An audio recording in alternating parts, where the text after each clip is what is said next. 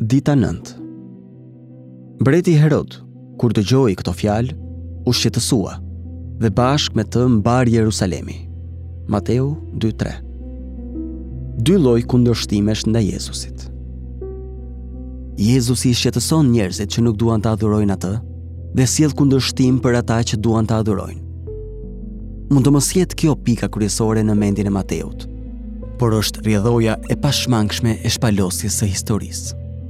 Në këtë histori, ka dy lloje njerëzish që nuk duan ta adhurojnë Jezusin. Lloji i parë janë ata që thjesht nuk bëjnë asgjë me Jezusin. Ai është askushi për ta.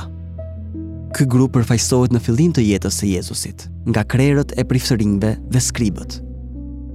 Mateu 2, 4 thotë, Dhe pasi i mblodhi të gjithë kryepriftërinjtë dhe skribët e popullit, Herodi u kërkoi ku duhet të lindte Krishti.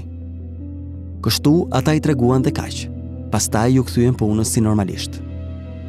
Heshtja e plotë dhe mosveprimi i udhëheqësve është e habitshme në dritën e madhështisë së asaj që po ndodhte. Vini re që Mateu 2:3 thotë: Por mbreti Herod Kur i dëgjoi këto fjalë u shqetësua dhe mbarë Jerusalemi bashkë me të.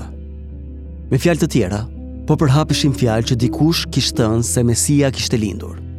Mosveprimi nga ana e kryepriftërinjve është tronditës. Pse nuk shkuan me dijetarët? Ata nuk kanë interes. Ata nuk kanë pasion për ta gjetur birin e Perëndisë dhe për ta adhuruar atë.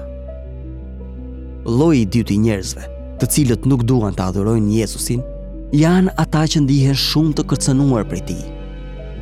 Në këtë histori, ky është Herodi. Ai është tepër i frikësuar, aq sa komploton, gënjen dhe pastaj kryen një gjenocid thjesht për ta hequr qafe Jezusin. Po kështu edhe sot. Këto dy lloj kundërshtimesh do të ngrihen kundër Krishtit dhe adhuruesve të tij. Shpërfillja dhe armiqësia. Vërtet shpresoj që ti të mos jesh në ndonjërin prej këtyre grupeve. Nëse je i krishterë, lejo që kjo krishtlindje të jetë koha kur ti mediton mbi kuptimin dhe çmimin që ka adhurimi dhe ndjekja e Mesias.